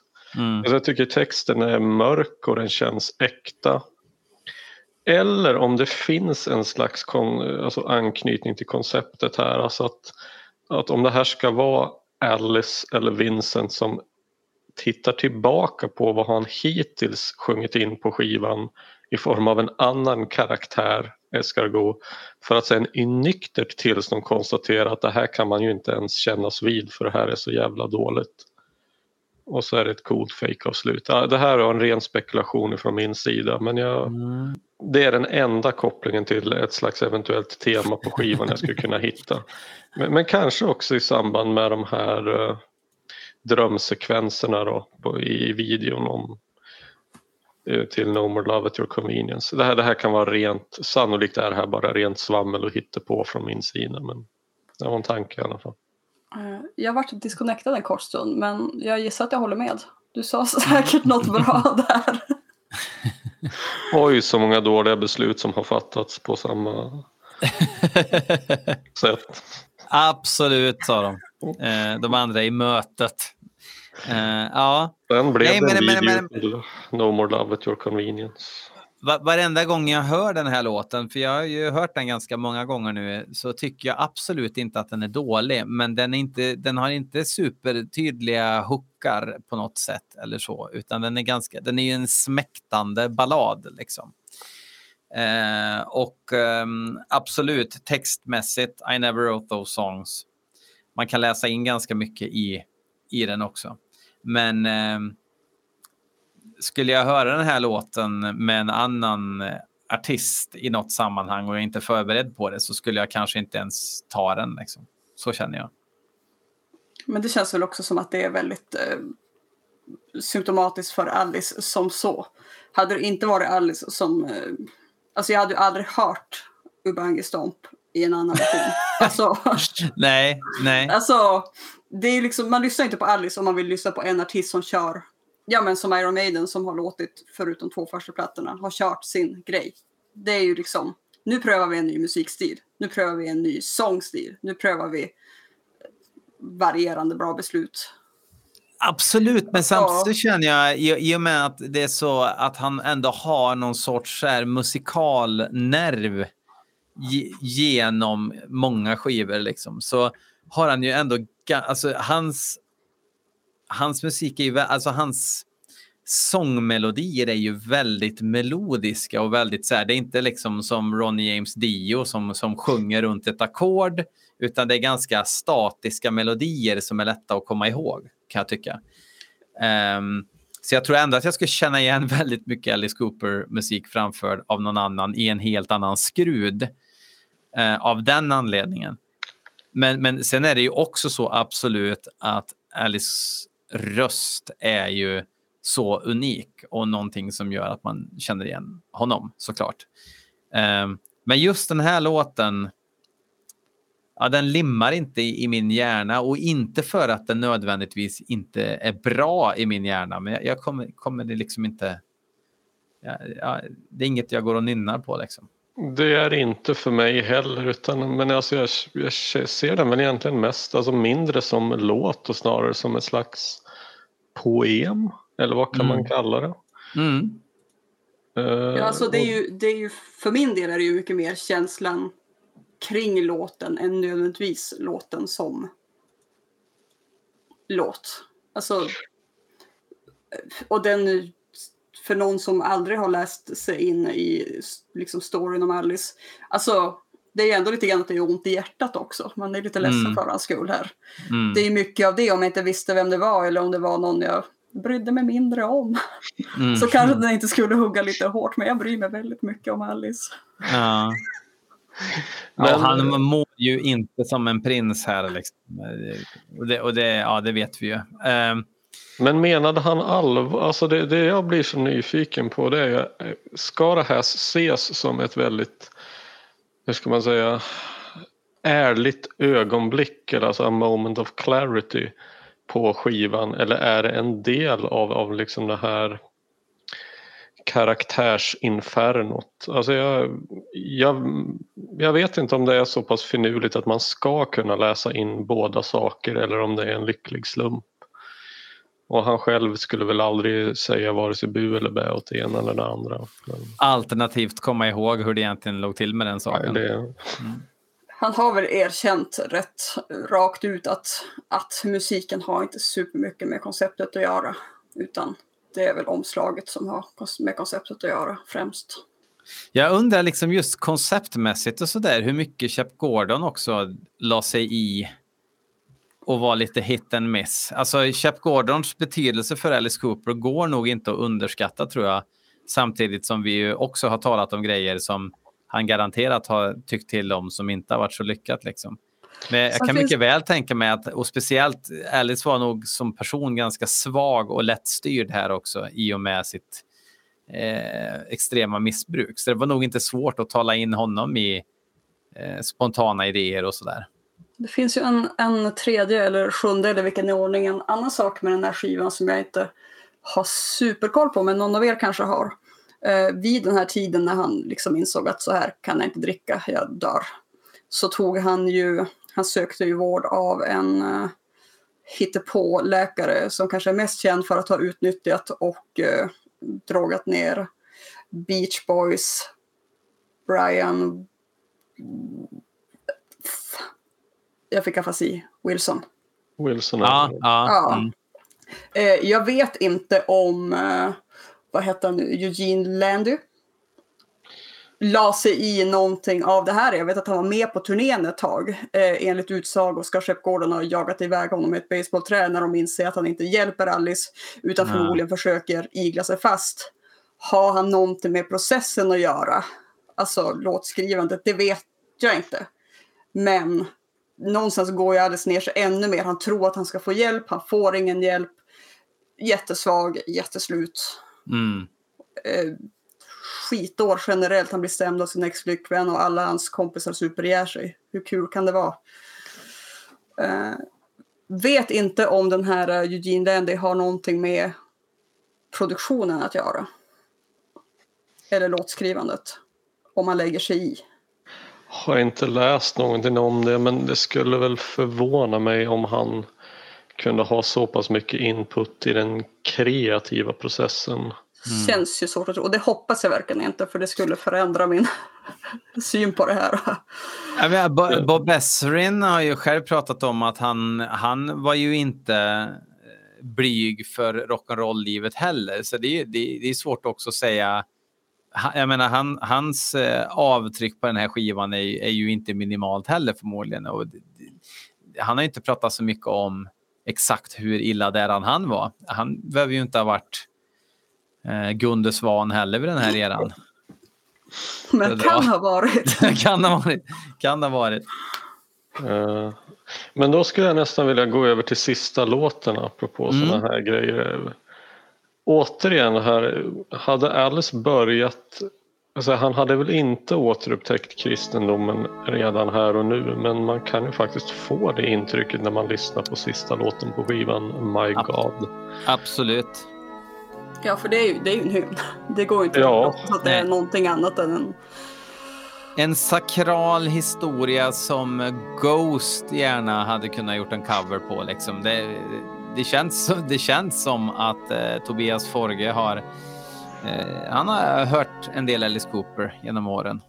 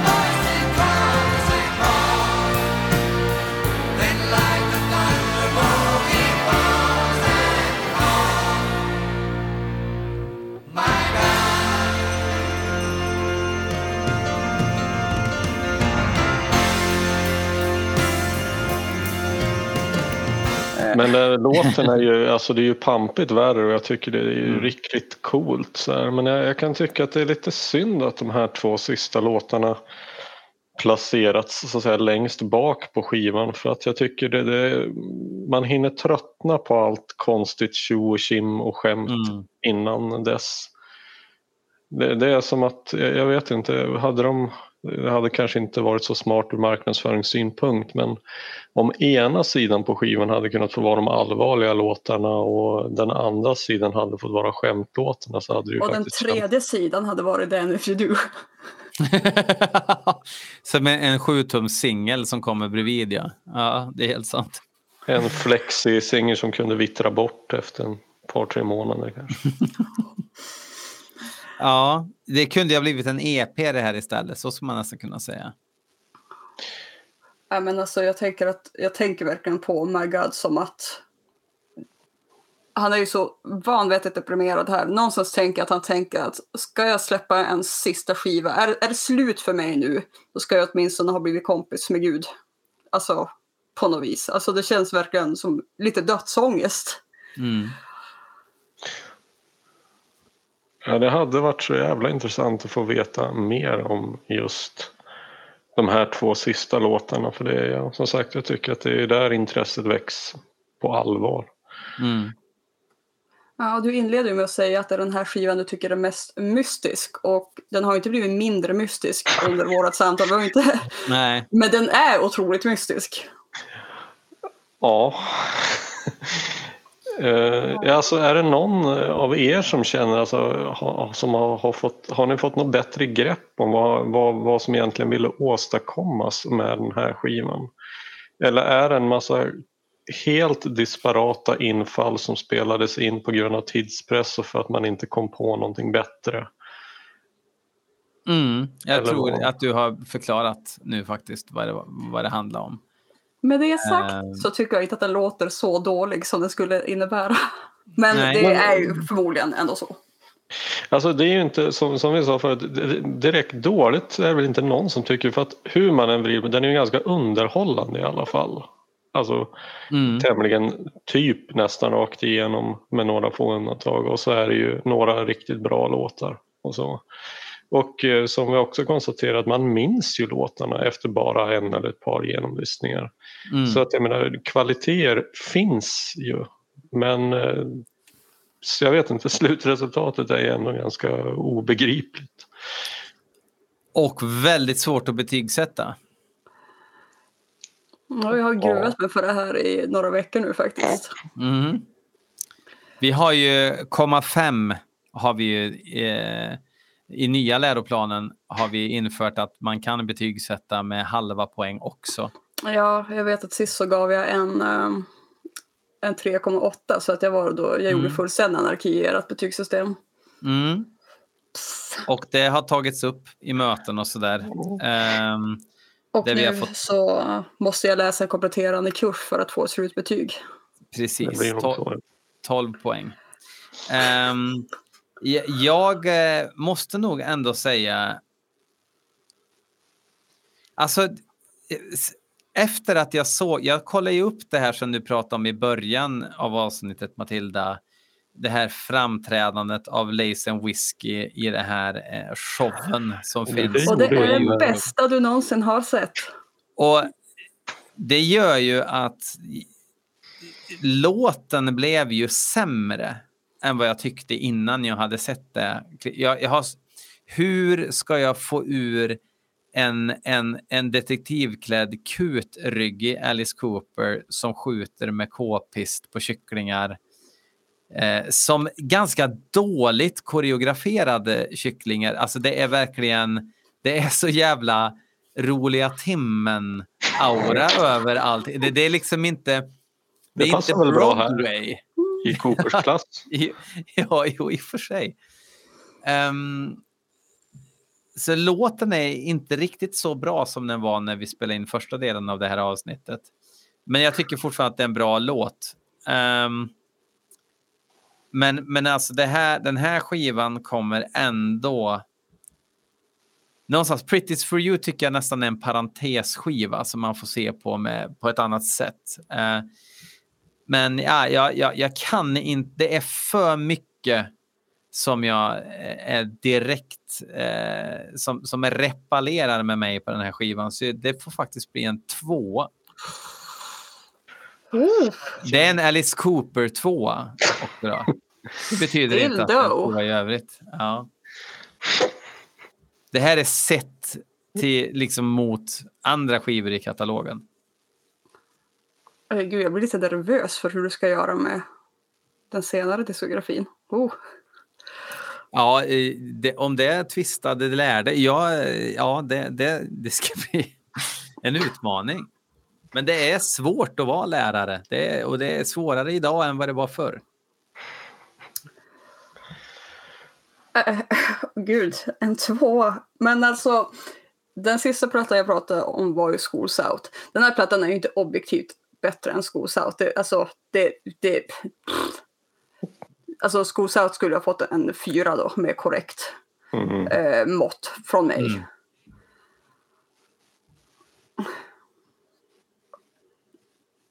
Alltså, ja, men man ska ju separera kyrka och stat, men hjärta och hjärna då? Ja, Hur ska ja. man... Jag vill ju ge den en känslomässig 8 av 10. Mm. Mm. Det, Men det är, det är ett eh, betygssystem till fem. Till fem har vi betygssystemet. Så min tvåa är ju alltså två av fem, inte två av tio. men en korrekt musikalisk bedömning och om man inte bara förlåter allt av kärlek så är det väl en trea för mig. Jag tycker att den är jävligt bra ändå. Den, den har sina stunder, så är det. Han är snäll mot mig. Jag kan hjälpa honom. Eventuella är ni torrborre som som, inte- som lyssnar. Välj inte partners utifrån hur förstörda de är. Låt bara bli. Mm. Om en kille mår som Alice gör på den här skivan så skicka en doktor på honom och dra. Fast doktorerna blev ju ihjäl, eh, ivägjagade med baseballträn efter dyra saltade räkningar. Ja, nej, jag, alltså det här är nog sannolikt den skiva i diskografin som är absolut svårast att betygsätta. Och jag våndas eh, egentligen lika mycket som Matilda här. Jag tycker vilken siffra jag än försöker sätta så blir det fan i mig bara fel. Det som jag har funderat, jag och, min- och jag och min sambo har som vi brukar betygsätta filmer vi ser sinsemellan. Och då har vi kommit fram till att en mer, egentligen ett rimligt sätt att betygsätta filmer är jag tänker på samma sätt som man betygsatte, ofta betygsatte typ tv-spel i gamla tv-spelstidningar från början på 90-talet. Och då var det som så att då, var varje grej bedömd för, själv, eh, för sig själv så att då, då kunde grafiken få 6 av 10, ljudet Mm. kunde få 8 av 10, spelkänslan 5 av 10 och någonting annat sånt där. Och eh, det tycker jag normalt inte behövs, ska inte behövas på, på audioskivor för att använda en korrekt term. Men här, alltså det, är så jävla många saker som måste tas i beaktande och som bara inte smälter samman på ett lätt sätt. Så därför är det så satans svårt att ge ett övergripande sifferbetyg tycker jag.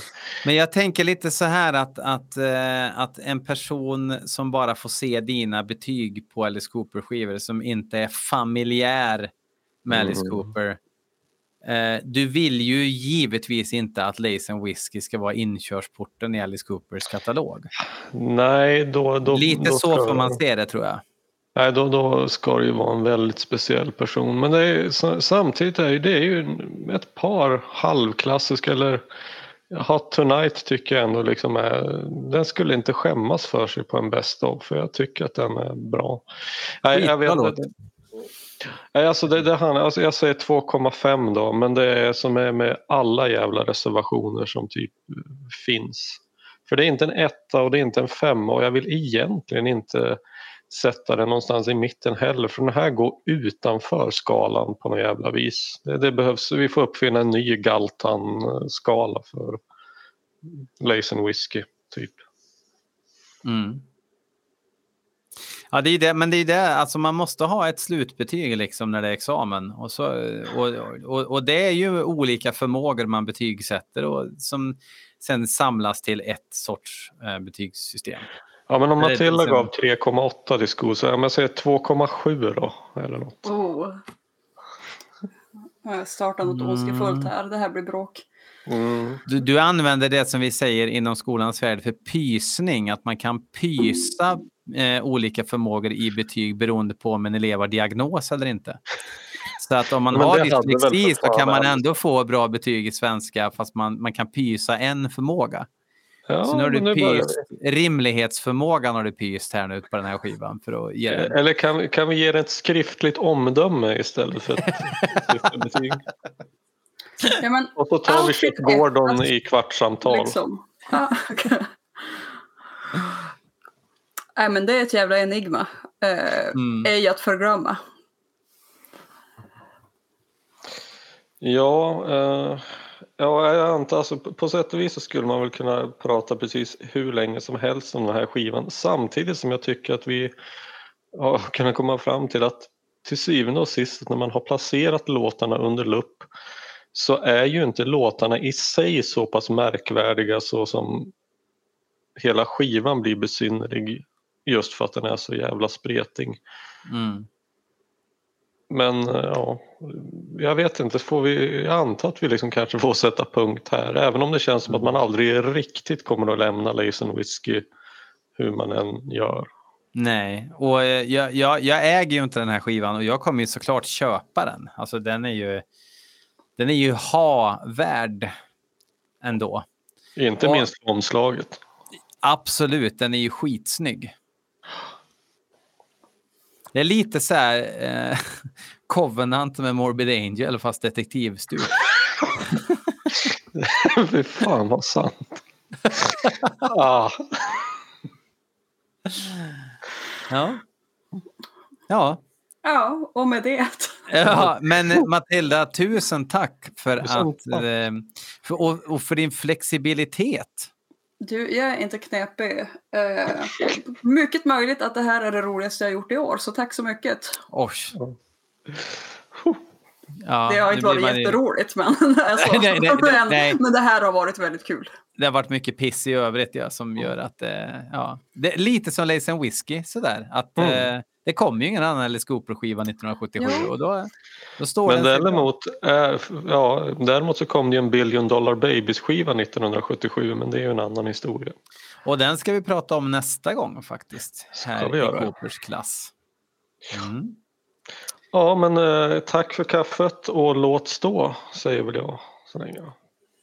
Namaste. Adjö.